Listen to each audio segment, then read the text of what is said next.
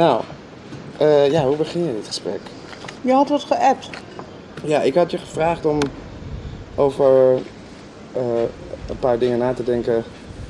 Naar aanleiding van waar mijn, eh waar mijn denk, naar aanleiding van hoe- waar ik over aan het nadenken ben de laatste tijd. En. Nou, ik ben, hè, dus, eh, ik ben onderzoek aan het doen heel lang naar hoe kan ik theater maken met eh, sekswerkers, met prostituees. Waarover moet dat gaan? Hoe krijg je contact? Hoe kan ik daarover nadenken? En eigenlijk kwam ik op een gegeven moment tot de conclusie dat ik eigenlijk niet.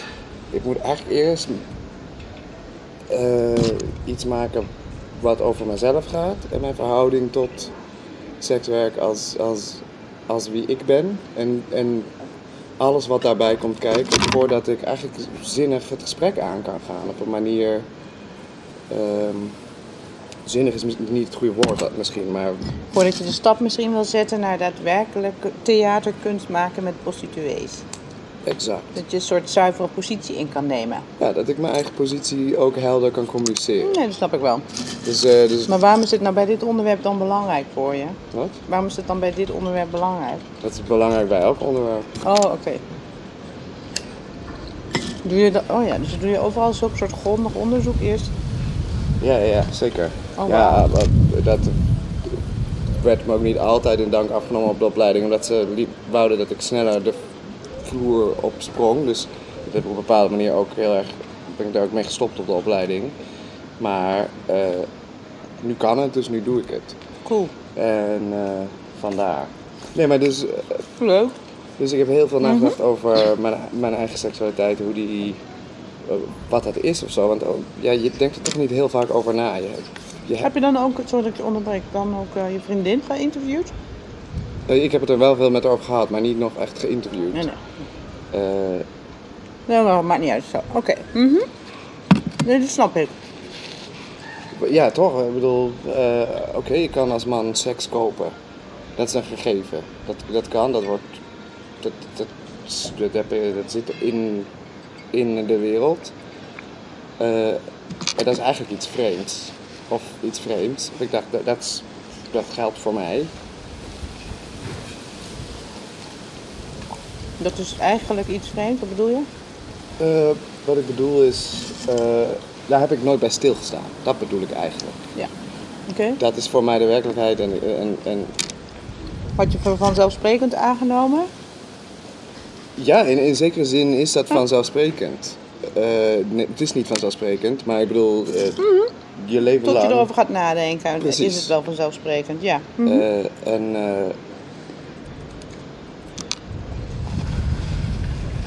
Dus in dat proces zit je nu. ja. Ehm, en daarbij komt ook het, het denken over, eigenlijk het nagaan van hoe heb ik eigenlijk mijn leven lang nagedacht over seks. Wat, voor, wat, wat voor betekenis heb ik daaraan gegeven en hoe of wat. En op een gegeven moment kwam ik dus op het idee, nou, eh, volgens mij moet ik met, met Uget, met mijn moeder, daar eh, een keer over praten. Omdat jij mij hebt opgevoed als jongeman in, eh, hier in de Red Light District, eh, omringd met alle. nou ja, Prostituee? eh, omringd met prostituees, zeker. Maar ook met alle, in etalages, alle uitspattingen en fetishes die rondom seks bestaan. Alle, alle commerciële seksuele uitingen. Sekswinkels, seksmusea, seks, Seksmusea, bioscopen, sekswinkels, seksbioscopen. seksshows, Zo, ik noemde prostituees, sekscinema's. sekscinema's. Toen ik- Hoor je toen je klein was? Toen ik en ik net kon lezen, noemde ik dat sekscinema's. Ja, je kunt naar de sekscinema. Ja, wat, eh, Komt van sexy. Ja, En- precies. De sekscinema. Maar, eh, hè, dus, maar ook, eh, weet je, ook eh, niet, maar ook, ook gay seks, SM. eh, Was je daar al bewust van toen je zo klein was? Toen je opgroeide, die- kon je toen al dat onderscheid maken tussen al die verschillende, al dat aanbod? eh, nee, nee, zeker niet. Eh, eh, het, het, het, de term BDSM, of, of, of Hoe, wat zei je nou? PDSM? BDSM, B of P? B, Wat is dat? BDSM. eh, Mhm, Sadomasochisme? Ja, bondage, Oh, domination, Oh, submission en masochism. Oeh, boy, ja. Mhm. Eh, en sadomasochisme. Ja, dus je kan, hem, je Ja, kan ja, het, de afkorting op verschillende manieren uitspreken. Ja. ja, daar had ik natuurlijk geen weet van. Maar eh, Nee, je kende de term niet. Maar? nee, precies. Ik kende de term niet. Dus ik kon dat niet, niet Nee. categoriseren op een bepaalde manier. Maar je, eh, en, en ik denk dat bij de, de, de dingen die het verst van gewoon blote mensen die het met elkaar doen, wat ik natuurlijk overal om me heen zag op plaatjes en zo, eh, waren natuurlijk ehm, gespierde mannen eh, die een leren broek aan hadden, waar dan geen billen, de billen niet bedekt waren. Ja, dat was ook een soort dat ik dacht, oh, daar moet misschien nog een broek onder. Dat is een soort cowboybroek, maar daar moet nog iets onder. Of weet ik veel. Heb ik ook heel lang gedacht. ja, hoe oud Dat was het een toen? overbroek was. Ja. Weet ik veel, 40. 30, geen idee. Heel, heel lang volgehouden om het niet te begrijpen. Nou ja, dus, eh, dus hoe verder het lag van gewoon het meest herkenbare fysieke, hoe minder ik natuurlijk dat kon eh, plaatsen dat het per se over seks ging. Maar dat, dat, als je dan, je, je groeit toch op, dus dat bewustzijn groeit mee. Je praat nu over jezelf vanaf een afstand. Maar mijn vraag is, als we met elkaar te hebben over hoe, jij, hoe ik jou heb opgevoed, om gewoon terug te gaan naar de herinnering en te reage- reageren vanuit de ik-persoon. Snap je wat ik bedoel? Ja, ik snap, wat, ik snap wat je bedoelt, ja. Want dan, eh, want dan kan ik ook echt aansluiten bij, ja, ik zag dat jij dit deed. Mhm, en, eh, mhm, en mhm. dan kan, snap je? Dan wordt het wat reflectiever. Wat, Ja, zeker. nu ben je aan het beschouwen en dan trek je al conclusies terwijl je vertelt. Maar dat kan hoor, maar, maar eh, ik weet niet of dat is wat je wil. Nee, nee, nee, nee, dat is goed dat je dat zegt. Ik, ehm ja, het moet een, ik moet een soort mix van. Ik denk, ik heb denk ik wel veel gedacht dat als ik die, naar die plaatjes keek, dat ik dacht, oh, dat is niet voor mij, daar moet ik niet naar kijken. Wel, heb je dat wel Dat gedacht? heb ik wel gedacht. Wel dat eh, als ik dan eh, langs eh, de, de Nou, dat kan heel rosse goed, hoor. olifant liep, dan had je van die foto's van allemaal mannen en vrouwen die dingen met elkaar deden. En dat ik dat zag en dan toch dacht, eh, wel wou kijken of niet wou kijken of wel wou kijken. Eh, maar wat ik zag was eh, in zekere zin misschien wel toch dat ik dat toch in zekere zin herkende als gewelddadig of in ieder geval iets wat volwassenen iets mee deden, maar ook Ik denk dat de, dat soort expliciete beelden, dat was in ieder geval mijn dilemma bij eh, wonen hier in de buurt. Was dat eh, expliciete beelden over seksuele handelingen waren gewoon open en bloot zichtbaar in de, in de buurt bij jou. Door alle winkels en plaatjes en wat iets meer zei. Zeker, eh, zeker hè, toen jij zo ja, of 6, 7, 8, 9 was. Dus altijd de afweging tussen dat een kind van die leeftijd niet kan interpreteren wat er gebeurt. En dat dat naar mijn smaak het intimiderende beelden zijn. Ook al is het niet zo bedoeld, maar dat is het wel. Dat is mijn inschatting geweest. Dat dat toch een vorm van intimidatie is. Aan de ene kant was dus de ene van het hele spectrum een gedachte. Aan de andere kant van hetzelfde spectrum was de gedachte... eh, als een kind ermee opgroeit, weet hij niet beter en is het, wordt het genormaliseerd daardoor. Hè, dus dan, dus dan eh, ja, weet je, oh, oh, kennelijk doen mensen dat. Nou, oké, ja, het zal wel, ja, weet je wel. eh. en dus, dus ik heb ook altijd zelf, eh, als ik je dan naar, weet ik veel, als we dan door de buurt liepen, heb ik altijd ge- gewisseld tussen aan de ene kant mag je het gewoon zien. Weet je wel? Ik ga ook niet sneller lopen. Of ik ga ook niet zeggen je mag niet kijken. Of ik ga ook niet eh, eh, nou ja, tussen jou en de beelden instaan. Maar eh, ik was denk ik ook niet zo open om te zeggen... Kijk, heb je dit plaatje gezien? Wat vind je daar nou van? nee, of zo, nee. weet je wel? Dus het was altijd... Dus het was wel echt wel heel ambivalent hoor. Ja, Dus ik, ging er, ik denk dat ik er wel ambivalent in was. En dat had denk ik vooral te maken met... Dat ik eerst wilde kijken voor zover dat kan als ouder. Achteraf denk ik dat het helemaal niet kan als ouder. Maar goed, dat ik toen dacht, ik moet kijken hoe jij daarmee omgaat en of ik daar dan in moet bijsturen of niet. En of ik daar dan in meer, weer meer het gesprek over aan moet gaan of niet. Zo, zo eh, heb ik daar altijd gelaveerd in al die jaren, tot je een jaar of 14, 15 werd. Er waren natuurlijk momenten dat ik explicieter was over je seksualiteit en ook periodes helemaal niet. Tot, tot, ja, tot waarvan ik echt wel denk dat dat. eh, ja, weet ik veel, nou, natuurlijk moment dat het ophoudt of zo, om maar over te praten met elkaar. Zoiets. Ja. Nog af, eh, dus dan op een gegeven moment, over, op, ja, dat is wel interessant nu we het erover hebben. Als je heel jong bent, ging de seksualiteit natuurlijk over wat zie je allemaal in de buurt. Ja. En, en eh, als je wat ouder werd, toen je wat ouder werd, ging de, ging de seksualiteit over hoe beleef je zelf je seksualiteit en hoe ga je daarmee om. Mhm. En we hebben, ik heb geloof ik wel, tenminste ik, ik weet niet of papa dat, misschien papa ook wel, maar ik heb geloof ik wel geprobeerd toe te lichten dat prostitutie eh, een- een vorm van seksualiteit is, maar meer te maken heeft met, met gebreken dan met eh, een aanvulling. Waarom sekswerk bestaat? Ja. Ik denk, ehm, ja, dat is een goede vraag. Waarom bestaat sekswerk? Het is natuurlijk hè, het oudste beroep eh, ter wereld, niet voor niks. Ik denk dat sekswerk bestaat omdat ehm, gebrokenheid bestaat, denk ik. Eh, ik, heb niet een, eh, ik ben geen advocaat voor sekswerk, absoluut niet. Ik denk zelfs dat het in heel veel gevallen, ehm, misschien wel alle gevallen, maar ik kan niet spreken voor alle gevallen, ehm, schadelijk is om te doen. Ehm, en ik denk dat mensen een behoefte hebben aan liefde. En dat liefde en seksualiteit nou eenmaal eh, met elkaar verweven zijn, eh, maar niet hetzelfde ding zijn. Ehm, en dat een gebrokenheid ervoor zorgt dat je gaat zoeken naar dingen die lijken op dat ding wat je eigenlijk zoekt. Eh, ik denk dat eh, als ik kijk naar mijn eigen ervaringen, heb ik ook wel eh, mannen gezien die in een, denk ik, nog best wel gewoon gelukkig huwelijk zaten. Maar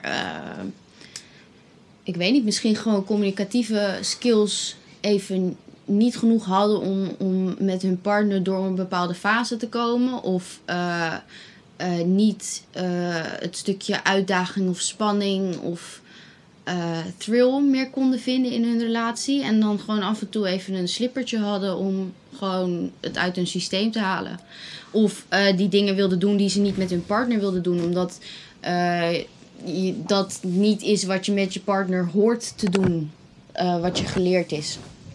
Ehm, en dat daar dan dus iemand voor nodig is. eh, of dat ze vonden dat daar iemand voor nodig is. eh, om dat dan op te vangen. Ik denk alleen niet dat dat een, vanuit een gezonde situatie zou ontstaan.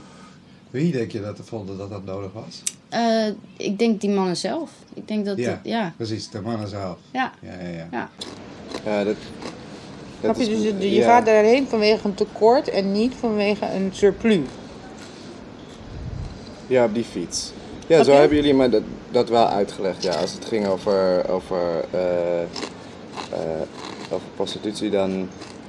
Dat, Dus er zat wel er Dat absoluut een normatieve opvoeding in. ja, zeker. Namelijk seksualiteit is toch wel iets eh, bijzonders wat je...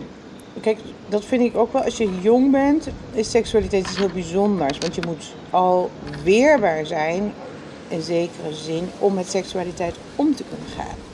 En daarmee bedoel ik dat je je eigen seksualiteit moet kunnen begrijpen, en, maar ook in staat moet zijn herkennen en herkennen, ontdekken, maar ook in staat moet zijn om grenzen te trekken ten opzichte in de interactie met anderen. Dus dat, is, dat vind ik dan als je jong bent en je hebt het over prostitutie en dat soort vormen van seksualiteit, dan, is dan ligt de nadruk niet op God, iedereen kan naar de, de hoer gaan als je er zin in hebt, ga maar. Maar dan lag de nadruk in de opvoeding, je moet eerst je eigen seksualiteit en je grenzen kennen. Als je later als volwassene wil gaan, ja, be my guest. Ik vind er misschien wel wat van, maar dan ben je eh, eh, zeg maar evenwichtig genoeg om daar je eigen keuzes in te maken. Of je dat wel of niet doet. En dan gaat het niet om mijn normatieve opvatting, maar dan gaat het gewoon over wat jouw eigen normatieve opvatting Maar als jij, waar- waarom denk jij dat sekswerk bestaat? Ik vond het heel ingewikkeld om, om daar op een heldere manier over na te denken. Omdat het voor mij zo normaal was als dat pindakaas bestaat. Mm. Ja. Hè, want ik was gewoon, ik ben letterlijk middenin, naast de Oude Kerk, in de Red Light District geboren. Ik ben ook thuis geboren, Mhm. weet je wel. Dus mijn leven begon naast een kerk en een dozijn hoeren. Oké, ja. En mijn ouders, en ik liep daar dus ook rond als kind. Men neem- me mee naar, naar school. eh, en ja, mijn moeder heeft niet een soort van. eh, eh, de- alleen maar door de straat gelopen met een hand voor mijn ogen, weet Nee, je wel? nee. Wel, Het was er gewoon. Ja. En ja, als kind heb je niet door, begrijp je het niet. Dus als heel jong kind eh, dacht ik, want ik ging op een gegeven moment was ik dan zes of vijf of zo. En mijn broertje drie. Je bent drie als je op de, als je op de crash zit ongeveer. Ik was Ja. drie jaar ouder. Dus Ja. ik was ongeveer zes. En dan liep ik, eh, en de crash die zat eh, tegenover de oude kerk. Echt om de hoek van mijn huis. Mhm. En ik liep daar dan heen en dan haalde ik hem op. Maar op datzelfde plein waar de oude kerk aan zit, zitten, zit, zaten ook allemaal ramen. Dat zit er niet Mhm. meer, want dat is allemaal op een gegeven moment weggehaald. Maar er zaten gewoon eh, een stuk of zeven ramen of zo. En daar liep ik langs en daar zaten vrouwen in ondergoed. Eh, toen de tijd waren Ja. het eh, eh, eh, gezette eh, eh, donkere vrouwen. Dat was, die zaten daar. Ja, dat was hun plek. Precies, Ja. dat was hun plek. Eh, Ja. Elders had je weer... uh, uh, hè, dus Ja. zij hadden zo'n plek en daar stonden ook de mannen bij die daar In geïnteresseerd waren. Ja. En die stonden voor het raam met de deur op een kier te, te kletsen. Eh, en het zag er voor mij als kind gewoon... En, en ze zaten vaak, als er niemand met ze bezig was... Mhm. zaten ze vaak gewoon met de krant en een sigaar. Oké. In een ondergoed op een kruk. En als ze me zagen, dan zwaaiden ze en dan zwaaide ik terug. En Ja. dan liep ik weer langs en was het weer. En, en ze zeiden goedemorgen. En dan zei ik, zoals ik had geleerd van mijn moeder, goedemorgen terug. En Ja. zo ging dat jarenlang door. En wat ik dus als vierjarig kind op een gegeven moment, eh, hoe ik het maar heb ge- geïnterpreteerd was... Oké, eh, het zijn vrouwen, volwassen vrouwen. Ze zitten in ondergoed te roken en ze lezen de krant. Wie is de enige, wie is de enige vrouw die ik ken, die ik zo ook zie in mijn leven? Mhm. Nou, de enige vrouw die de krant leest, rokend in haar ondergoed, is mijn moeder. Ja, Ze zijn sowieso gewoon mama's. ja. Ja. En in, ergens in essentie denk je als kind natuurlijk dat elke volwassen vrouw mama is. ja. Dus we, hadden niet, we hadden, jij groeide op. Ik weet niet of je met veel seksualiteit bent opgegroeid. Natuurlijk vergeleken met, met niet op de wallen wonen, is het wel alom aanwezig. Daar moet je je toe verhouden, dus dat moet je begrijpen. Dus toen je heel jong was, hebben, zijn we daar wel mee bezig geweest. Toen je in de puberteit kwam ook, dacht ik wel eens bij mezelf. Ja, eh, mijn broers indachtig, niet per se jou indachtig, maar mijn broers indachtig. Dat waren kleine geile mannetjes, die zag ik zo naar de hoeren lopen, bij wijze van spreken. Dus ja, mis- misschien mijn zoon ook wel, weet ik veel. dus ja, ik, volgens mij heb ik daar wel eens naar gefeest of naar. Weet je wel, dat ik dacht Ja, van, ja. van, hoe zit dat? Ik heb het nooit, ik heb het nooit eh, als jong kind nooit ervaren als, eh, als een verleiding of een, of een optie of iets waar ik over fantaseerde om naar de hoeren te gaan. Nee. En dat komt denk ik ergens ook omdat ik de hoeren, die, de hoeren hebben die, eh, eh, die bijzonderheid of die, We hadden geen aderskap voor jou gewoon. omdat ik, het, het, Denk ik. het voelde meer als de buurvrouw dan als eh, Ja. een soort mystieke plek waar eh, weet ook niet of het de volwassenheid. Nou ja, weet je, zoals het. Het was het, eh, nee, het- maar dus er was geen mystiek bedoel ik Nee. te zeggen. Dus ook Nee. geen aantrekkingskracht. Nee, en het was ook niet verboden. Nee. Dus het was ook geen verboden eh, verlangen wat, eh, Nee, precies. wat parten speelde. Omdat, Nee. ja, dat, dat was er gewoon altijd. Wat, ik, wat ook gelijk in mij opkwam is, ik zie dan zo'n jongetje eh, opgroeien in die straten. En dan denk ik van, heb je niet toen je bijvoorbeeld in de puberteit kwam of zo, eh, ooit de drang gehad van, oh ik ga dat eens uitproberen? Of heb je dat ooit gedaan? Ik heb het nooit gedaan. En ik moet heel eerlijk zijn. Ik heb ook ja, niet de drang gehad. Omdat wat ik, hoe mijn seksualiteit ontwikkelde, Mhm. eh, daar was, daar, omdat het zo normaal was dat, dat, er, dat er gewoon eh prostituees eh, bestonden en daar zaten, Mhm. eh, had ik ook niet de fantasie dat, dat ik iets miste of zo, denk ik. Ja, ik, ik, ik, weet- ik denk wel dat ik in de puberteit de- eh, misschien op momenten van onzekerheid heb gedacht... Nou ja, weet je, als ik, als ik nooit seks krijg... Dan kan ik ik altijd nooit- kan nog- ik altijd nog een keer, Ja. kan ik, kan ik altijd nog een keer naar de hoe als ik denk dat ik het mis. Dus misschien was dat wel in zekere zin wel misschien wel geruststelling van... Ja, Ja, ik kan altijd naar de hoe. eh, Ja. eh, Maar dan is dat bewustzijn waar je op stuurde. Ja, tenminste, dat hoopde ik. En ik weet wel dat ik mijn papa daarover had. Ik vond papa wel heel, ik vond papa een zeer zorgzame minnaar. Echt een hele liefdevolle, zeer zorgzame minnaar. Echt mijn plezier staat altijd voorop, nooit het zijne. En dus, dus we hadden het wel eens met hem. Ik had het wel eens met hem. Ja, ik zei dat ik dacht van ja, jij moet hem seksueel opvoeden. Want ja, weet je wel, jullie zijn mannen, dat moet jij hem leren. Dus ik heb geen idee of jullie ooit daar met elkaar, eh, weet je wel. Dus, maar dus Ja. ik dacht van dan zit het wel goed. Dan, weet je wel, dan komt dat. Ja, als dat- mensen dat opvoedt, dan... ja, eh, want die, eh, dus dan, ja, hoef ik me daar geen zorgen om te maken, snap je? en later, toen je in, in 14, 15 werd en je eerste vriendinnetjes kreeg, toen zat ik natuurlijk wel te scannen van hoe gaat hij daarmee om. En eh, nou, toen vond ik je heel respectvol en vond ik je heel zorgzaam. Ook, ook, ik weet wel dat je een keer over had, mama en vriendinnetje die eh, kan niet klaarkomen of zo. Ik weet niet meer wat het was, maar iets wat nu. En toen hebben we daar ook wel eens over gehad. Toen dacht ik, nou, dat, dat, dan ben je dus heel gewetensvol daarin. En heel betekend en heel zorgzaam ook. Dus, dus toen was ik eigenlijk wel klaar. dacht ik, oké, dat is gelukt.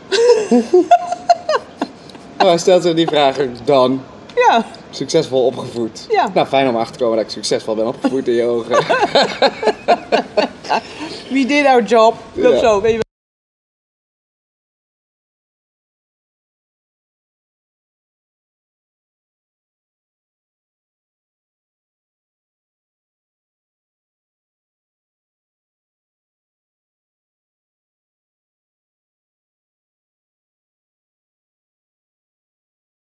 ook niks aan.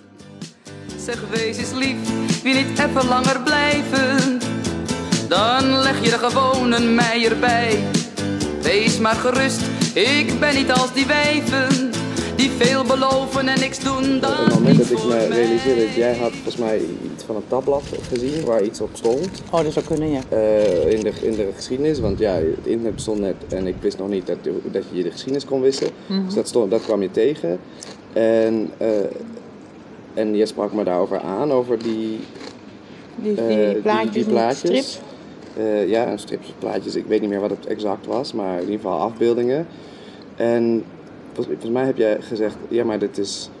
eh, dit, volgens mij heb je geattendeerd op, zie je dat dit een vorm van agressie is? Of, Oh, dat zou kunnen. of, Ja. volgens mij heb je het woord verkrachting nooit in de mond genomen, maar wel Gewelddadig. geweld, geweld, geweld dat, is de- dat, dat in zekere zin gewelddadig is. En dat ik eh, me dat toen pas realiseerde van, oh, hè? Oh ja, dit zou kunnen. Oh, dat hè? je de ogen Ja. hebt, hebt willen openen voor dat aspect. Ja, we hebben het daar niet Ja. specifiek over gehad, maar dat aspect, oh ja, hè? Oh, er, zit, er kan geweld bij. En als ik nadenk over wat mij misschien, als ik langs al die beelden liep en al die, hè, want die, die seks, die seks eh, theaters, die hadden altijd gewoon soort previews van hun show. En dat was gewoon mega expliciet uitgelicht op het podium. Mensen die in alle denkbare standjes eh, aan, het, eh, aan, het, aan het neuken waren. Eh, dat, dat daarin een soort van, wat, wa- is, het ag- is het agressief? Zijn het mensen die in agressie zitten? Of zijn het, weet je, of doen ze iets, eh, dat, daarin, eh vraag me denk- wel eens ja. af hoe, eh, hoe, mij dat zou, hoe mij dat wellicht heeft beïnvloed in, in wat ik normaal als beeldvorming had bij wat normaal is bij seks. Nou kijk, kijk als je een, eh, sek- de seksuele daad ziet, even heel plat hè, Ja. gewoon de, de penis die de schede ingaat en er is geen context bij, dan is het al intrusief. Als Ja. in, weet je wel, daar gaat iets in de vrouw. En, en, eh, eh, en als je dus objectief kijkt, dan heeft het al iets, nou ja, eh, een barrière doorbrekend. Laten we het zo formuleren, zonder context. Dat Mhm. hoeft niet per se geweld te zijn, maar doorgaans hangt toch die zweem daarbij. Ja. Alles wat je doorbreekt aan een grens. hoe het bij mij is gelopen. Is ik was eh, wat jonger, mijn thuissituatie was niet zo heel erg stabiel. En eh, eh, ik leerde iemand kennen, een vrouw. En zij, het is wel raar hoor, want het is niet een soort van ehm, tekstboek, denk ik. Soort situatie. Maar ik leerde een vrouw kennen en zij was eh, 30, ik was toen 16. En zij had, ik vond haar heel interessant. Ik, heb- ik, had, ik vertelde eerder, ik heb een soort tractie naar mensen die eh, complex zijn en die misschien beschadigd zijn. En die vind ik interessant. En eh, ik had bij haar, eh, had ik dat. En ik trok heel erg naar haar toe. En tegelijkertijd had ik niet door destijds dat zij mij heel erg isoleerde van mijn familie. Dus zij zorgde ervoor dat ik ruzie had thuis, vaker dan dat ik al ruzie had. En op een gegeven moment woonde ik bijna bij haar. En na een tijdje woonde ik ook echt daadwerkelijk bij haar. Ehm, terwijl ik haar leerde kennen, merkte, eh, kwam ik erachter dat zij een crimineel verleden had. En dat zij eigenlijk als een soort tussenpersoon had gewerkt voor eh, mannen in het criminele circuit die meisjes hadden lopen op de wallen. Dus zij was een soort van de. Eh, in porno, eh, een soort van Dag, de, de, ja, de fluffer of zo. Misschien de, een beetje de, Ja, de, tussenpersoon. Zij hield iedereen een beetje zoetjes en eh palmde mensen in. De, de madame. Ja, ja. Dat was haar verleden. En blijkbaar, toen zij mij voor het eerst zag, toen heeft zij dus tegen God of zo gezegd van nog eentje. En zij is mij een soort van gaan groomen eigenlijk. Dus zij heeft bijvoorbeeld, toen ik 16 was, eh, vroeg ze een keer aan mij. Ze, zei ze dat ze heel erg schulden had. En eh, er was zo'n echt een hele lelijke, oudere eh, Marokkaanse man. Die woonde naast haar. En die zei dat hij mij had zien lopen. En dat hij haar 10.000 euro wilde betalen voor mijn maagdelijkheid. En dat vertelde ze een beetje zo. En ik was al geen maag meer. Ehm, en zij vertelde dat een beetje zo. En eigenlijk waar ik over vier was, ja, maar ik ben geen maag meer. En zij zei, ja, joh, maar dat hoeft hij niet te weten. En ze zei van, ja, zou je dat voor mij willen doen? En ik zei zonder twijfel, ja, tuurlijk, doe ik. En het is niet daadwerkelijk voorgekomen, maar dat was het begin van het inbreken van ben je bereid om deze handeling uit te voeren voor een geldbedrag wat nog niet eens bij jou terecht gaat komen. Ehm, dus dat was het begin. En eh, nou ja, daarna zijn er nog meer dingen voorgevallen waardoor ze uiteindelijk wel op slinkse wijze een groot geldbedrag heeft eh, gevangen om mij ja, eigenlijk te verkopen. Ehm, ik kan het niet bewijzen, maar ik denk dat ze me toen wel heeft gedrogeerd. Eh, omdat ik gaten heb en dat was gewoon, als ik het later de symptomen opzocht, dan was het wel gewoon tekstboek GHB. Dus die jeugd staat echt vooral, eh, die opvoeding stond vooral in het teken, denk ik, hier in de buurt, jou je, je persoonlijke ontwikkeling kunnen doorlopen. En we hebben natuurlijk altijd gedacht, tenminste ik heb altijd gedacht, moeten we daarin bijsturen, omdat jij dan ook nog bijzondere ervaringen hebt meegemaakt als heel jong mensenkind. Mhm, mhm. Een schadelijke misschien wel, misschien ook wel niet zo schadelijk, wie zal het zeggen? Het is moeilijk in te schatten wat, wat precies daar nou wel of niet goed aan is geweest. Schadelijk is geweest, maar we hebben daar, we, hè, door, door het misbruik van opa, hebben we, ik ben in ieder geval daar wel bewust altijd mee bezig geweest. En ik heb ook altijd opgelet, ga de, ga- krijg jij voorkeuren, seksuele voorkeuren die, die ik ongewenst vind? Ja. Ook altijd naar gekeken, heb ik altijd achterdocht naar gehad. Mhm. Eh, of achterdocht niet zo zwaar alsof ik al bijvoorbeeld had beschuldigd. Maar ik heb altijd wel een soort alarm of een alertheid aan de dag gehad. Gaat dat goed of niet? Omdat we weten dat het overdraagbaar is, zullen we maar zeggen. In zekere zin, ja. Hè? Dus ja, als, je daar, als het genegeerd wordt, dan zie je dat het overdraagbaar wordt. Of hoe Ja. noem je dat? Ja, ik weet het, overdraagbaar is het verkeerde woord. Maar Nou ja, dat het trauma wordt herhaald. In, Ja. in, in, het kan op verschillende vormen. En een van die vormen is dat je precies. eh, het herbeleeft. Dus dat zat, aspect zat er ook nog bij. Ja, ja.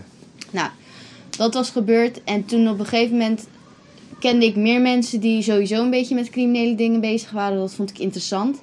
Maar ik wist dat ik als meisje niet echt in die game zou kunnen komen zonder kleerscheuren. Ik wist dat dat hem niet zou worden. Daar kon ik niet het level van macht vinden of uitoefenen wat ik wilde. Dus dat mannenwereld. Ja.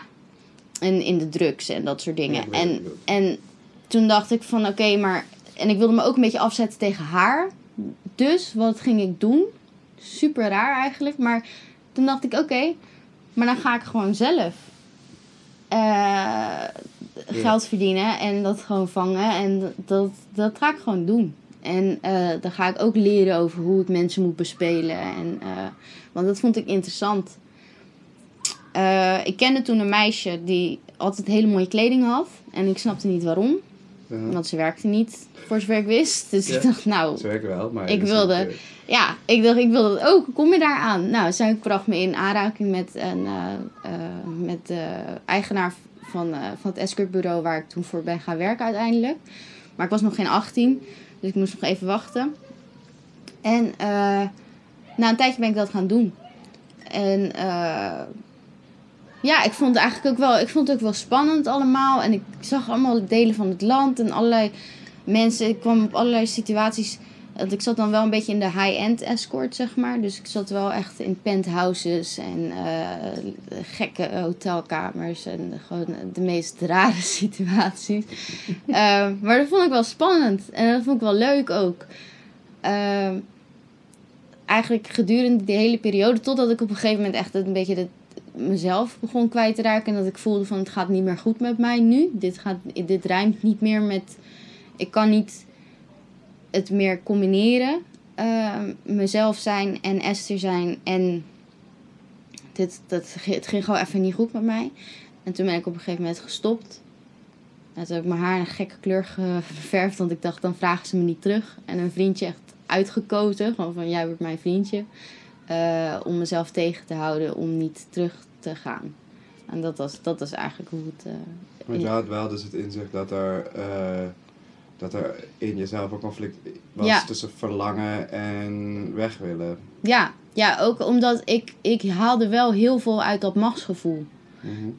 Ik haalde echt heel veel uit dat stukje controle. En ehm, ik ben de baas. Terwijl eigenlijk ben je hartstikke kwetsbaar natuurlijk. Ik bedoel, ik ben eigenlijk wel voor heel veel situaties behoed geweest. Want ik heb daarna ook meisjes gehoord eh, en gesproken die eh, ineens ergens waren. En er werd ineens een pistool tegen hun hoofd gehouden of zo. Dat soort dingen heb ik allemaal niet meegemaakt. Dat, dat, dat ging bij mij niet zo. Misschien het segment waar ik in zat. Of ik heb gewoon heel veel geluk gehad. Het niet, ja. ja, maar dat soort situaties had ik allemaal niet. En ik had gewoon, ik kwam in villa's en zo. En het was gewoon heel cool ook om op, op het moment dat ik mijn eigen leven even niet meer zo heel erg leuk vond. Ik weet nog dat ik op een gegeven moment schreef van. Er waren allemaal dingen in, in mijn persoonlijk leven die eh, moeilijk waren op dat moment. Eh, met mijn ouders en mijn eh, eh, broers en zussen, zeg maar. En dat ik op een gegeven moment schreef van... Ik hoop dat ik binnenkort weer even een lange boeking heb. Want dan kan ik even Esther zijn. En dan hoef ik me niet bezig te houden met deze dingen.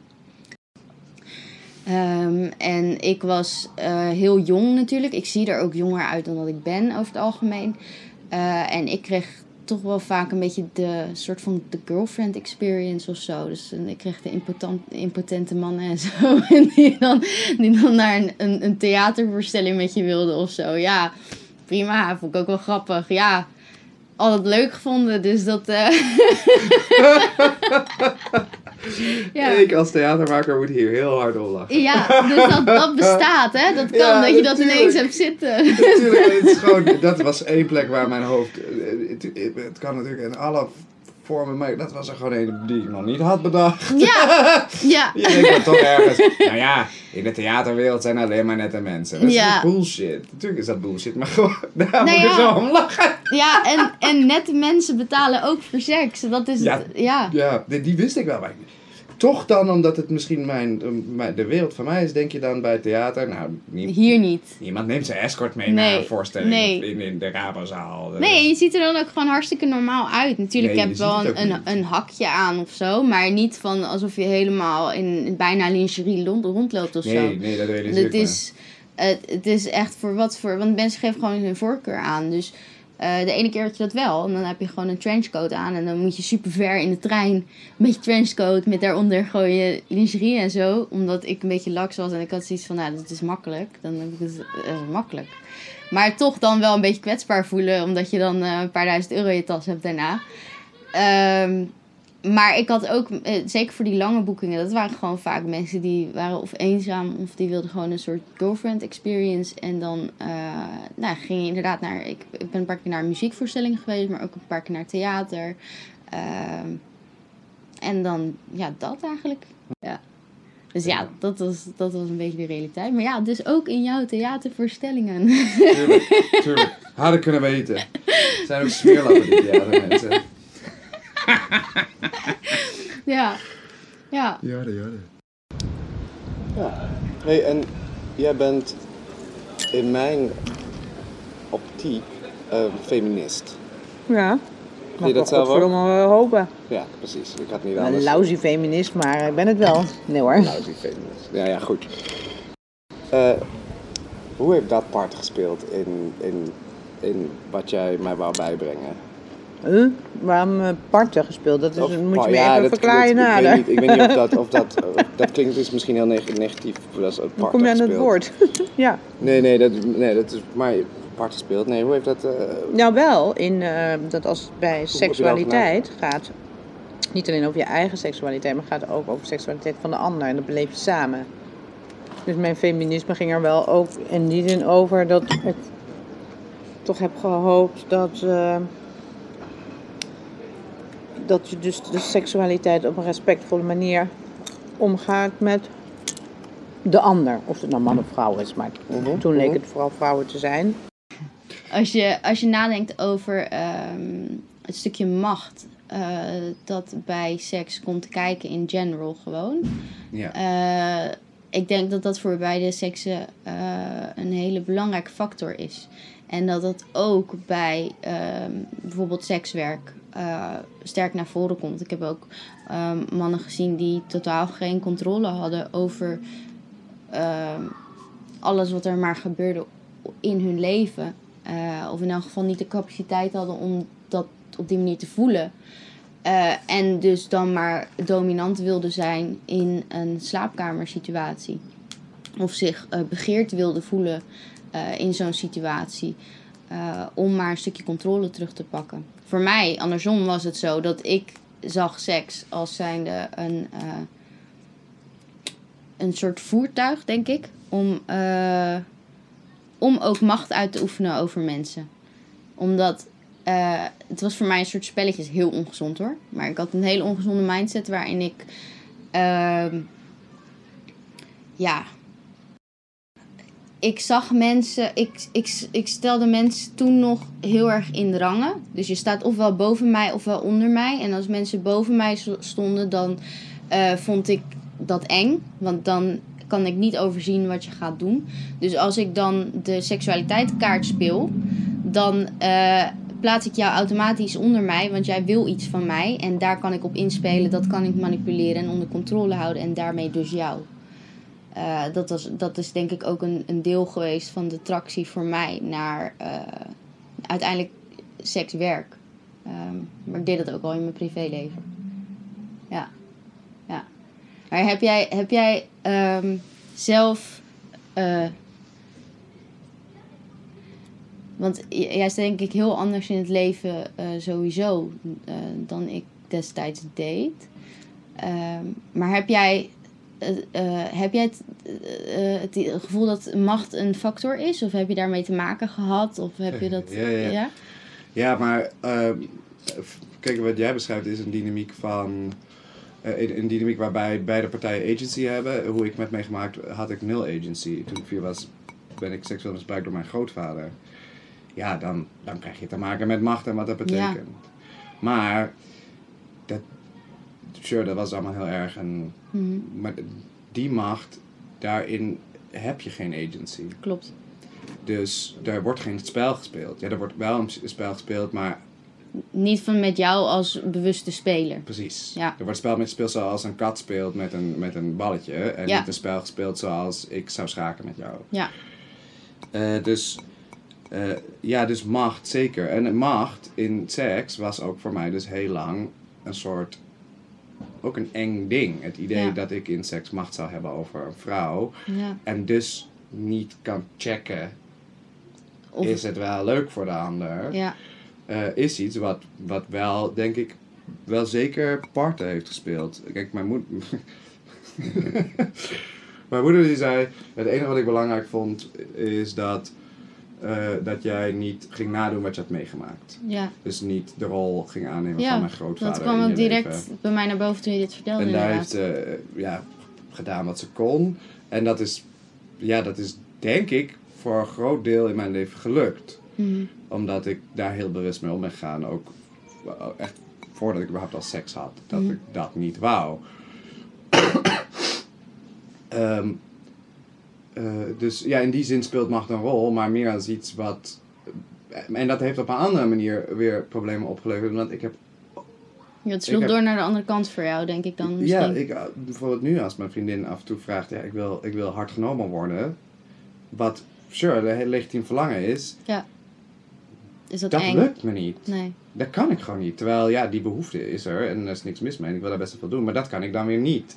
Ja, en aan de andere kant zullen er ook ma- mannen zijn die, die waar tegen wordt gezegd, doe nou eens lief voor me, en die dat niet kunnen. Ja.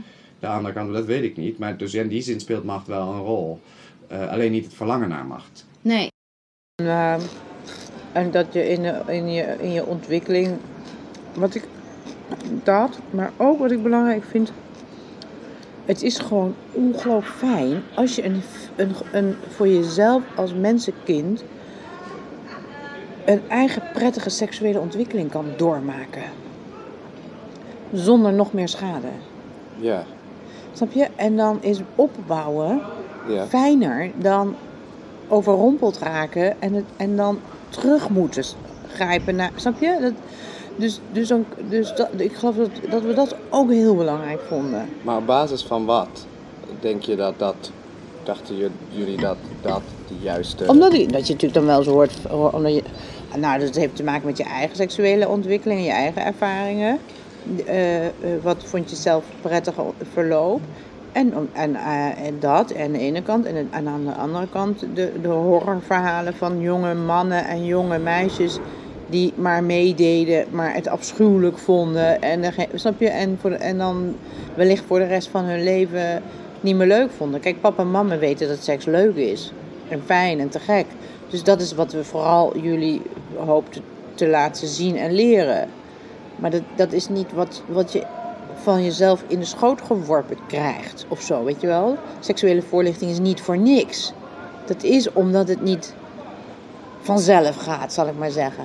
Maar zeg maar, als je het hebt over, want dan misschien dan bedenk ik wat dingen, maar zeg maar, heb jij eh, gewoon precies dezelfde vraag eigenlijk andersom? Heb jij door dit gesprek eh, of door je onderzoek eh, dingen die jij eh, aan vrouwen nu zou willen vragen, die je misschien eerder niet zou vragen op het moment dat je op die manier met ze involved raakt? Oh, goede vraag. Wat, als je seks met ze hebt? Ja, dat, of een seksrelatie. Ja, precies, Ja, ja. ja. Goed. Inclusief alle dingen die daarvoor af zijn. Die ik nu zou vragen, die ik, die ik zei... Hmm, dat is een goede vraag.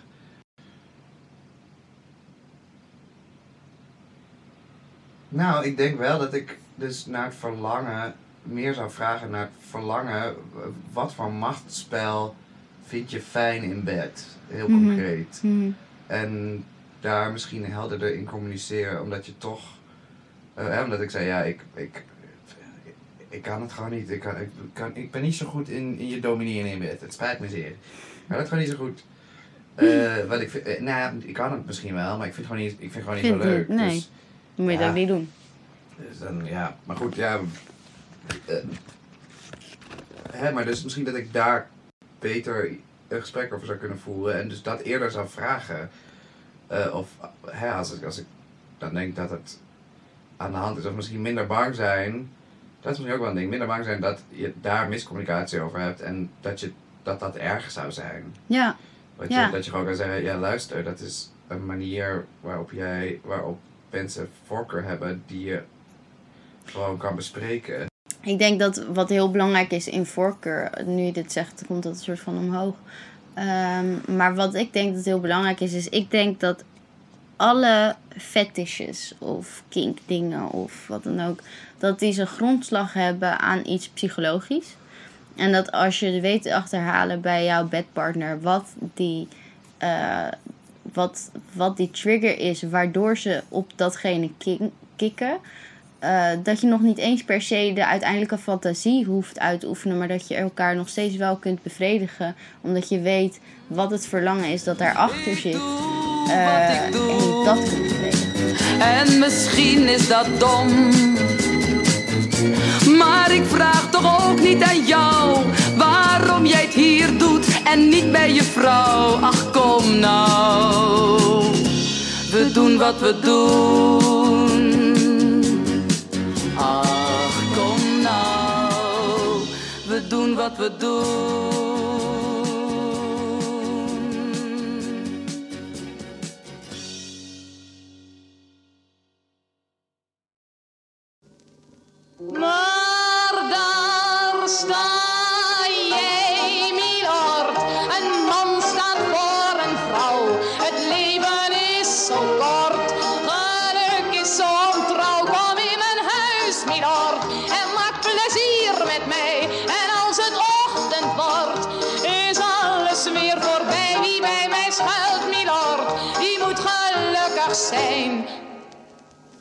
Maar nee.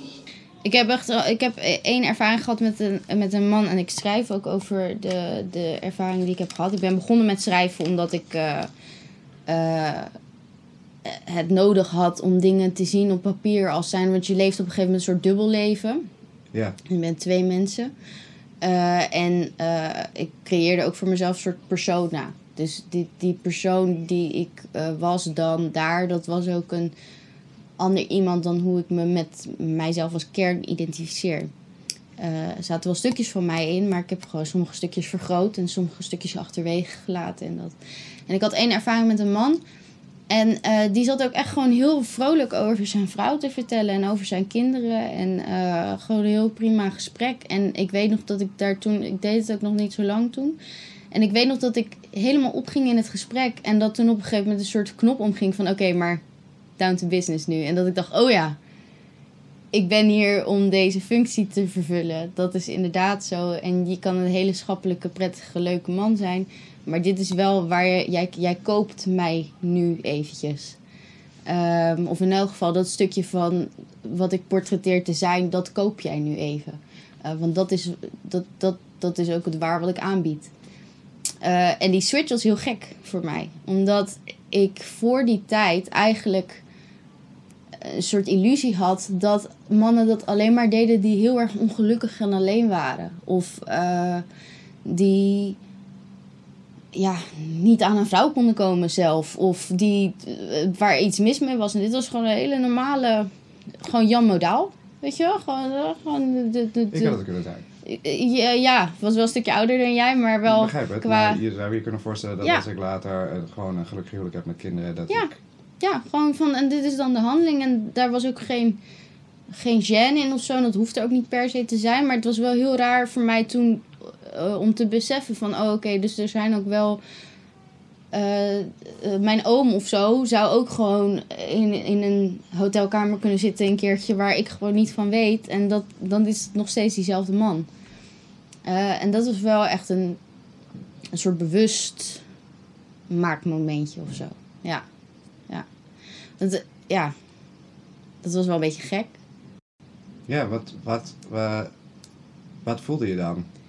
Ja, ik voelde me eigenlijk een beetje teleurgesteld. Heel gek. Maar ik had zo'n leuk gesprek met die man. En ik vond het zo dat ik eigenlijk iets meer naar mijn kern toe ging. In plaats van de persoon die ik dan was daar.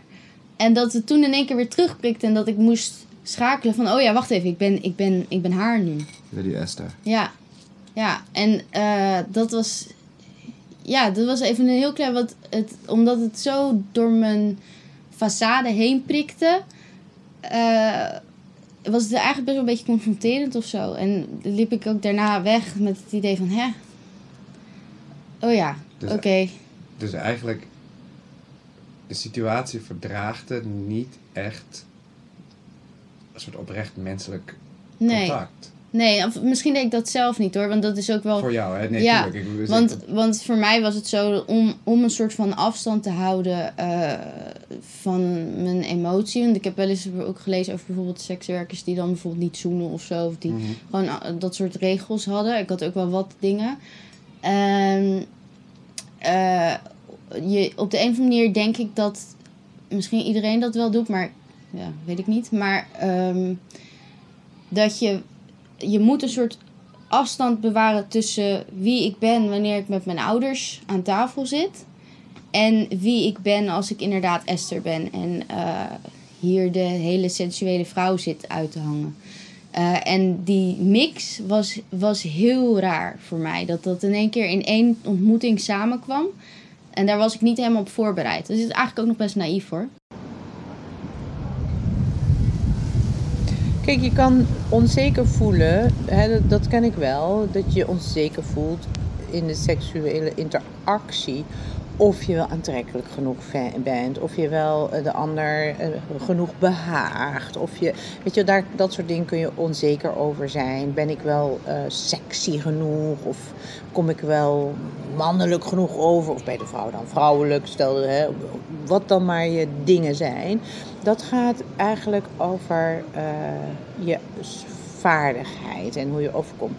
Wat, waar het mij over gaat, en dat is een proces, weet je, dat ontwikkel je gaandeweg. En met het ene meisje of met de ene jongen zul je ontdekken dat, dat je zelfvertrouwen, dat het ineens helemaal vanzelf gaat. En dat je dus no problem, super seksueel bent, zonder enig probleem. En met andere meisje denk je, is het ingewikkeld, gezuurde, eh, weet je wel, of jongen, weet je, hè, dus eh, even laten we het geslacht even erbuiten houden. Ja. En dat, he- dat heeft heel erg ook met de interactie te maken met de ander. Mhm. Waar het mij over gaat, is dat je een soort eh, zelfvertrouwen voelt. Ik ben een seksueel wezen. Het is goed om het te voelen. En ik kan het voelen en ik mag het uiten. En, ik- en zolang ik de ander, met de ander respect, respectvol omgaat. En het altijd op basis van wederzijds consent is. Hè, dus altijd gewoon gelijkwaardig. En met instemming. Dat je dan je seksualiteit kan beleven. Ehm, dus in de zin van wat kan het kwaad? Ik denk dat het heel veel kwaad kan. Omdat ik denk dat als we het hebben over seks in zijn algemeen. eh, in zijn meest algemene vorm. Seks is, is, is niet alleen een fysieke handeling. En dat Nee, is dat iets wat in deze, deze de, de- de maatschappij gewoon heel erg verkeerd begrepen wordt. Eh, ook gewoon in, in onderlinge relaties is dat men denkt dat, dat heel veel wisselende seksuele contacten hebben en dat soort dingen, dat dat gezond voor je is. Ik denk van niet. Ik denk absoluut dat ehm, seks en liefde inherent met elkaar verbonden zijn en dat zouden moeten zijn. En dat alleen in ongezonde situaties die gesplitst worden. En dat is wel iets. Ik denk ook niet dat het zal verdwijnen. Want nogmaals, ik denk dat het voortkomt uit gebrokenheid en deze wereld is gebroken. Dus er zijn zoveel dingen die in deze wereld zijn die niet zullen veranderen. Maar waar zou je zeggen, is het ideaal voor de mensen om die dingen te doen? Nee, absoluut niet. Zullen mensen blijven doen? Zeker wel. Ik, ik had gelukkig een helder moment. Waarin ik dacht van oké, dit gaat echt helemaal mis. En ik ga strakjes, want dat is ook een, een heel eh, actueel eh, onderwerp hierin. Is ik, ik, ik wist gewoon van ik ga strakjes gewoon eh, een, een, een, een letterlijke kookhoer worden. Als ik hiermee doorga, want ik ga mezelf meer verdoven. Ja, ja. Want bijvoorbeeld wiet en hars waren mijn hulpmiddeltjes. Waarmee ik gewoon mezelf even iets meer naar de achtergrond drong. Voordat ik een boeking inging. Waarom? Omdat. Ja, het is in mijn optiek gewoon niet iets wat goed voor je, voor, Omdat voor je ziel is. hielp om misschien eh, Esther en eh, wie je echt bent te scheiden. Klopt. Dus eh, ja, Esther is stoned en die ander niet. Ja, en Esther is ook. Esther is vervormbaar naar wat een ander wil. En ik ben zelf heel geopinieerd en. eh, Ja, ja, ja. Ja, dat, is, dat, dat kan ik me ook bijna niet voorstellen ja.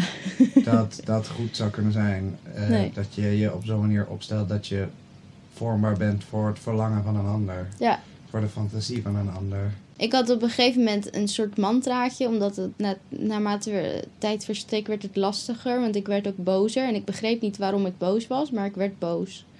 En ehm, ik had een soort mantraatje dat ik gewoon voor mezelf opschreef een paar keer terwijl ik onderweg was. En dat was gewoon van, eh, ik ben Esther, Ehm, ik eh, doe alles wat hij wil, ik ben alles wat hij wil. Ehm, en ik ben escort. Eh, iets in die trant. En dan op een gegeven moment eindigde het in: Ik ben escort. Of nee, ik ben Esther, mijn naam is escort. Of iets in die trant. Maar ik, ik brainwashte mezelf gewoon een beetje. Voordat ik, en dat deed ik heel bewust. Omdat ik ehm, merkte dat die geopinieerde persoon die ik zelf ben. Dat die een beetje in opstand kwam tegen een soort mini-verdrukking die ik mezelf oplegde, eigenlijk. Ja, ja. En, en ik wil ook niet, ik wil ook niemand veroordelen, want ik denk, ook al heb ik een bepaald soort mening over eh, het voertuig sekswerk, zeg maar, eh, en, en wat dat doet, ik heb niet een, een veroordelende mening over de mensen die het doen. Zeker niet. Ik heb juist zoiets van. ehm, ik, nou, ik wil gewoon, ik heb, ik heb, ten eerste kan ik niemand voordelen, want wie ben ik? En ten tweede wil ik dat ook niet, want ik denk dat hoe, dat je niet helemaal goed bij, bij je hoofd bent als je een iemand eh, die een gebroken been heeft een schop geeft of zo. Even om iets heel stoms, maar gewoon een, als ik iets erken als zijnde een gebrokenheid, en dat kan dit zijn, maar dat kan ook, eh, eh, laat ik wel vooropstellen dat ik bijvoorbeeld, stomme voorbeelden, maar bijvoorbeeld alle dingen die mensen doen die zichzelf schaden, komen uit iets voort. En dat iets waar het uit voortkomt, dat vind ik ehm, belangrijk. Want eh, daar valt waarde uit te halen. Ik moet wel heel erg lachen, want ik, daar moet ik wel vaak aan denken nog. Vaak, af en toe, nu, nu we het hier over hebben, in de voorbereiding op dit gesprek moet ik vreselijk lachen. Want toen eh, ik, ik, eh, ik werkte in het Meijers Instituut. Het was een TBS-kliniek. En, en daar zaten dus eh, ook zedendelinquenten. die, eh, die dus eh, eh, voordat ze de gevangenisstraf uit moesten zitten, kwamen ze eerst een paar periode daar, werden ze daar opgenomen, want die hadden dus TBS gehad en dan moesten we een behandelplan schrijven en de diagnostiek plegen en zo. en toen eh, gebeurde dat, dus, dus toen bleek dat jij misbruikt werd door, door opa. Dus waren we natuurlijk, was natuurlijk wel behoorlijk van streek. Dus toen, eh, maar dat was net viel dat terwijl ik net mijn nieuwe baan had daar. Met alleen maar zedendelinquenten en moordenaars en weet ik wat voor narigheid allemaal. Dus het was een bijzondere combinatie van factoren allemaal. En toen weet ik nog dat ik dat dus vertelde aan een paar collega's. Want je, ja, als je dat soort werk doet, dan moet je zoveel supervisie, intervisie, eh, weet ik wat hebben. Want anders word je natuurlijk zelf ook hartstikke geschuffeld. Dus dit speelde. Dus ik moest dat vertellen. En toen eh, had ik twee, eh, had ik een supervisor, een psychiater, hartstikke leuk mens. En een, eh, en een collega, co- en assistent in de opleiding, ook wel een ontzettend leuk mens. En het eerste wat die twee wijven tegen mij zeiden wa- was... ja, Uget, als je maar, maar als hij nou straks homo is, moet je niet denken dat het daardoor komt. God, wat moest ik lachen toen ze dat zeiden. En ik moet, weet je wel, ik vond het zo grappig. Eén ding, als je denkt dat hij homoseksueel, als de laatste blijkt homoseksueel is, dan moet je niet denken dat het daardoor komt. Denk, nee, nee, natuurlijk niet. Nee, ja, ja. Maar, Nou, dat heb je me, dat, dit, dit heb je me al eens eerder verteld. En dat, eh, daar heb ik wel toen o- over nagedacht. Want dat- daarmee zei je ook tegen mij toen, op die leeftijd... eh, eh, het seksuele geweld wat je is aangedaan als kind...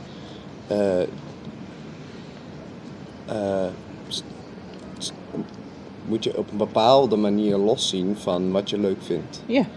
Eh, je hebt het nooit zo je hebt nooit expliciet gezegd van, eh, oh ja, nou ja, eh, hè? maar die grap eh, had bij mij het effect dat ik wel bewust werd van, oh ja, Ja, oh ja, dat heeft er ni- niks mee te maken. precies. Dus ik hoef ook geen taboegevoelens rondom mezelf, rondom Precies. wat ik eh, leuk dat vond ik het alleringewikkeldste in het jou opvoeden. Is dat we natuurlijk geen benul hadden, papa en mama. Wat uiteindelijk op je hele seksuele ontwikkeling, jouw ervaringen als mensen, jong mensenkindje, hè, toen je vier was, eh, gehad heeft. Of Ja. zo. Snap je? Dus dat, en dat kun je niet voorspellen. Dus dat, dat openbaart zich gaandeweg. Dus je moet echt gaandeweg acteren. En als je te veel inzet, te vroeg, dan vermink je. Dan, of niet verminken, maar dan weet je, dan wordt het ingewikkeld voor het kind. Ik hoop tenminste dat je een fijne seksualiteit hebt, weet je wel. Eh, en als het niet zo is, dan hoor ik het ook graag. En dan, dan help ik je alsnog. Maar eh, ja, weet je, dat was gewoon het schipperen. En, ehm, maar ik heb, geen, ik heb geen negatieve mening. Ik bedoel, de, de eh, persoon die het bureau leidt, waar ik toen bij werkte, is nog steeds een hele goede vriendin van mij. En ehm, ik werk niet meer. Maar dat betekent niet dat ik haar meiden eh, veroordeel of dat ik haar veroordeel of wat dan ook. Want wie ben ik? Ik heb het zelf ook gedaan. Alleen ik ben nu voorbij dat seizoen. Maar stel, stel ik zeg, eh, eh, ik zeg, ja, het lijkt me fucking, fucking leuk om een keer een avond lang gewoon twee gram kook op te snuiven met, eh, met, met, met twee mensen die ik ken, die hebben daar ook zin in en een hele dag te neuken. Ja. Stel, ik heb, dat, ik heb die fantasie en dat verlangen heel erg. mhm. Eh, denk je dat daar dan iets mis mee is? Mm, dat is een. ehm, Of gaat het toch echt over... Ik denk, ik denk dat daar ook iets mis mee is, maar iets anders. In die zin dat ik denk dat. ehm nou ja, kijk, als je dat een keertje doet, dan is dat nog tot daaraan toe. Maar het Zoals, voorbeeld eh, van je, wat jij geeft van zeg maar één fantasie vervullen en dat een keertje doen. En dat kan dan ook nog eens fucking tegenvallen, want het spul Ja, brandt in je niet. keel en het is ranzig en kan. Ehm, eh, maar dat is inderdaad de feestjesroker. En eh, als je dit betrekt bij werk, dan wordt het een, een gewoonte die samenhangt met dat werk. En dat. ehm, en het is Zoals niet. ook mensen in de horeca allemaal roken. En als je gaat werken in de horeca als bleu, Ja, 16-jarige Ja. jongen, iedereen om je heen rookt. En hè, zij hebben gezellige rookpauze daar. Ja. En dat heeft toch ook een effect. exact. En ehm, eh, niet alle sekswerkers gebruiken drugs, dat bedoel ik helemaal niet. Maar op het moment dat Nee, dat bij elkaar ook niet, komt. Ook niet alle en vrouwen roken, Precies. dat bedoel ik niet. maar- Precies. Maar op het moment dat dat bij elkaar komt, heb je gewoon een groot risico om daar ehm, in door te slaan of, of iets in die trant. Ja, ik vond Nou, het ook gelukkig heel vies. Ik heb het wel geprobeerd, en, eh, maar het, ik, ik vond hem niks aan. Als hij zo kil wordt. Ik ben van de love drugs. Ik vind het gewoon, van coke word je zo kil. En dat vond ik, ik vond mezelf helemaal niet leuk. Het verschilt echt zo. Maar het is echt, ik heb gehoord of gemerkt dat je echt wel, je vindt het of echt helemaal de shit, of echt, je vindt er echt flikker aan. En ik ben de tweede, ik vind er echt geen flikker aan. Gewoon, het was meer van, nou ja, oké, we doen dit nu, dan ga ik ook wel gewoon lekker 48 uur door. Dat, zo ben ik dan ook weer. Maar, maar ehm, ja, daarna vond ik het ook niet, eh, niet, ik niet zoiets van, nou, dan ga ik volgend weekend weer doen of zo. Dat, dat dan weer niet. Maar ja, er zijn genoeg mensen die dat wel hebben. Ja. Ja, en het is toch ook de coolheid of zo. De coolheidsfactor, merk ik toch. Ja? Het is, ja, toch ook... Toch ook, het is toch ook de fantasie, denk ik, die daar, de rock'n'roll die er omheen hangt. Ja, Of zo, ik weet het niet. Ja, ik heb toch Eh. altijd die, die soort van, ook al haat ik kook, maar dat beeld van dat je tijdens seks, dat je kook van iemand zijn lul afsnuit of zo. Nooit gedaan, maar dat is dus zo'n ding dat ik denk, ah kut, dat had ik wel toen moeten doen. Dat, dat, had ik dat maar een keer gedaan. Maar ja, had ik dat kunnen zeggen? Ja. Dat van de bucketlist af? ja, maar ja, is wel, ik vind er helemaal geen zak aan. Maar toch is dat dan het enige wat nog wel dat ik denk van, En ja, Waar staat dat dan voor? ja, weet ik niet. Het is gewoon... eh, Heb je dat geleerd? Want op zich, in principe, ja, je hebt wel in, in populaire media dan kooksnuiven van iemands tieten en zo. Of Ja, zo. Maar ja. deze, Kende je die nog of niet al? Oké. deze, nee, deze, deze had, ik, had ik nog niet bedacht. Gewoon omdat ik, omdat ik ook denk, moet je maar heel stil houden. Ja, Hoe blijft dat in godsnaam liggen? Het is toch een beetje zonde van je voor, meteen beweging met je heup en ah, 50 Ja. euro. Oh, grond. kietelt. Ja. maar dat zijn wel van die, van die soort van toffe rock and roll images die inderdaad erbij mee samenhangen of zo. Die zelfs, ja, die, Ja. al die fucking rock'n'roll, fucking penthouse, Ja. sauce parties op een marmeren tafel. Mhm. Eh, heb meegemaakt, he- heb, heb nog dat je denkt, oh, maar dat ene, dat het. En ja, als je inderdaad, als je dan even over nadenkt, dan schiet je in de lach. Ja. ja, en ook omdat ik hou er niet van. Dus zou ik er nog van houden, dan zou het nog een soort van logische attractie zijn dat je daar dan over doorfantaseert of zo. Maar ik vind andere drugs leuk. M- Maar ja, dat is dan toch een soort beeld wat dan... Ik heb het misschien ooit een keer van iemand gehoord of zo, maar dat is dan blijven hangen. En dan denk ik, oh ja, cool. Denk je dat het. Een deel van, het, van, van sekswerk is, zoals je zegt, heel kunstmatig. Mhm. Zoals je zegt, ja, ik, ik, ik speel een rol of Ja. eh, ik, ik, ik, ik verkoop een, een, een versie van mezelf die iemand anders, eh, waar iemand anders behoefte aan heeft. Ja. Ehm, denk je, zi- zi- zijn er dingen aan waar- waarvan je je afvraagt, ik, of niet zeker weet of het nou kunstmatig, nog kunstmatig is of niet?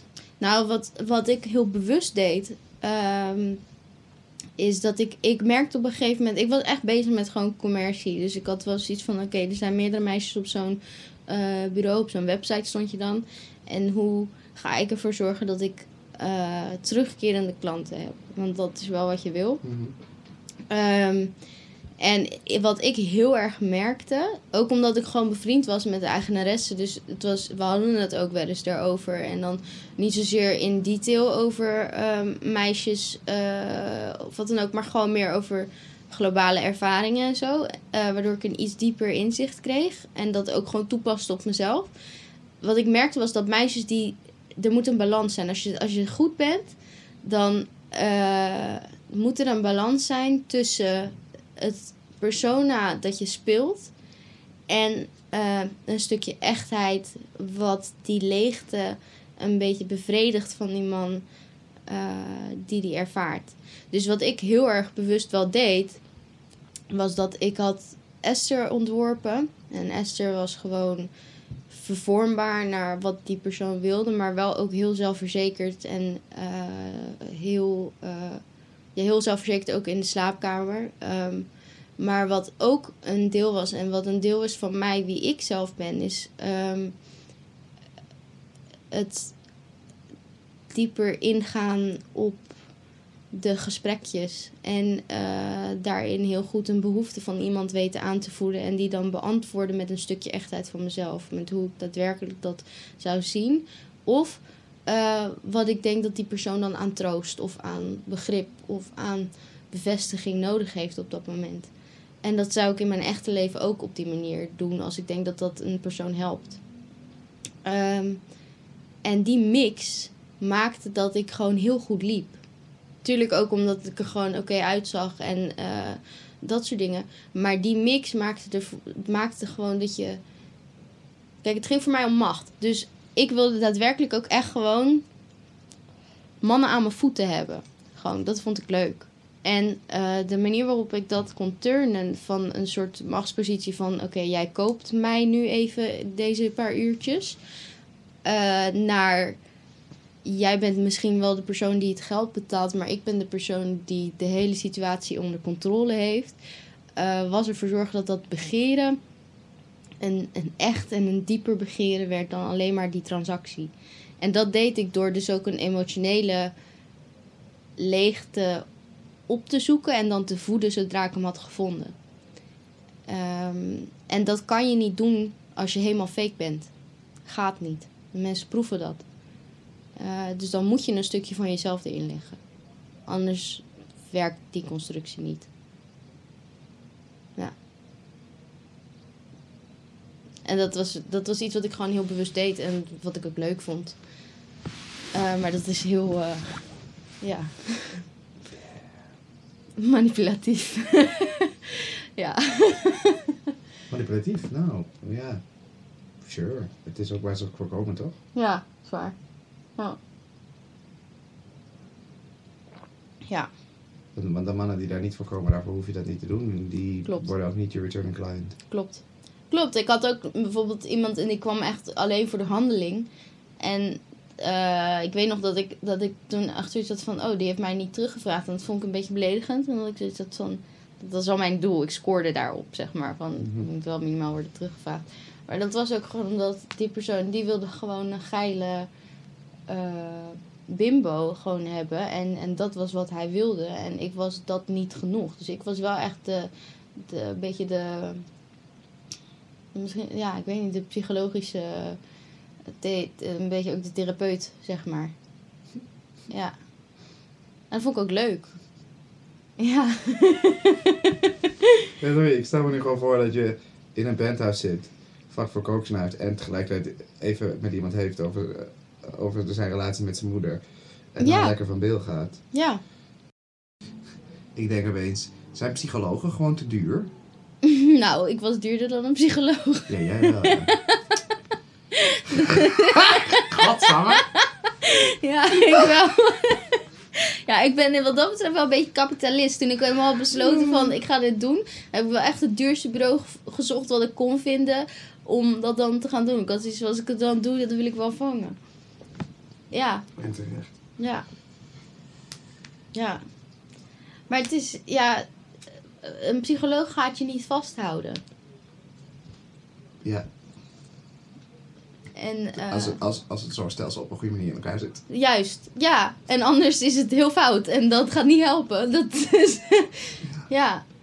En, en dat is wel een dingetje natuurlijk. En een psycholoog gaat jou niet vertellen dat jij zo mannelijk bent en zo aantrekkelijk en zo je ego strelen en zo. Een psycholoog gaat je een spiegel voorhouden en dat is heel oncomfortabel. Maar wat ik doe is ik, ik, ik troost je.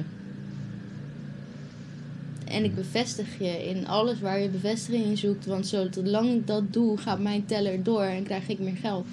En je wordt dus ook niet onafhankelijk gemaakt daarvan. Je wordt juist afhankelijk gemaakt daarvan. Of het doel is eigenlijk, als ik Ja. ja. afhankelijk van mij kom je terug. Ja, En de psycholoog, ja, ja. ja, Eigenlijk precies op dezelfde manier zoals. eh,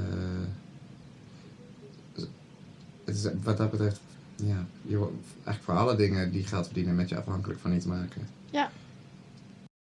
Ja, je, je kan, het zou best kunnen dat, je, je zou je best kunnen voorstellen dat een man, eh, eh, een klant iets ontdekt over zichzelf en daar voor de rest van zijn leven iets aan heeft in die kan. situatie. Ja hoor. Maar die situatie is op zo'n manier georganiseerd dat hij eigenlijk.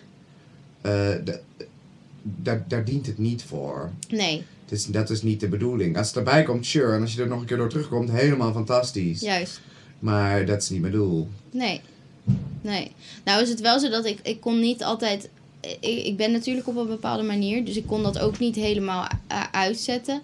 Dus ik had wel, als ik echt merkte dat iemand eh, heel erg in de knoop zat over iets... en ik had daadwerkelijk waarde toe te voegen daarover... dan nam ik soms ook wel het risico van... misschien vraag ik me nu niet terug, maar ga ik het wel zeggen. En dat is marketingwijs helemaal niet slim, maar dan had ik wel gewoon als mens zoiets van... dat ga ik gewoon doen. Eh, en soms en dat is dat inderdaad, heeft dat inderdaad geresulteerd in dat je iemand daarna nooit meer ziet. Ehm, maar ja, dat zijn wel. Dat is, ik, ik heb nooit. Ik heb niet helemaal kunnen afschermen wie ik ben van wat ik deed of zo. Ook al deed ik daar wel heel hard mijn best voor. En Misschien kunnen andere mensen dat wel, maar dat lukte mij niet. Maar het niet omgaan met pijn is waar het steeds op terug lijkt te komen. Ja. Ja. Omdat. ehm, omdat omgaan met pijn is werk. Want dat is het onder ogen komen en dat is dan eh, je eigen structuren herzien. En daar dan iets gezonds van bouwen, terwijl het heel tegennatuurlijk voelt op dat moment, want je wilt wegrennen. En ehm, er zijn mensen die dat heel prettig vinden om te doen en die dat dus juist opzoeken. En er zijn mensen die er alles aan doen om dat niet te Doet eenzaamheid zo'n dat pijn. kunnen. dat kan ook, ja. Ja, dat kan ook. Nou, kom Milord. Lach eens tegen me. Nee, dat is niks. Kom, probeer het nou. Zo is beter. Zie je nou wel? Kom, lach maar, milord. Kom, zing maar.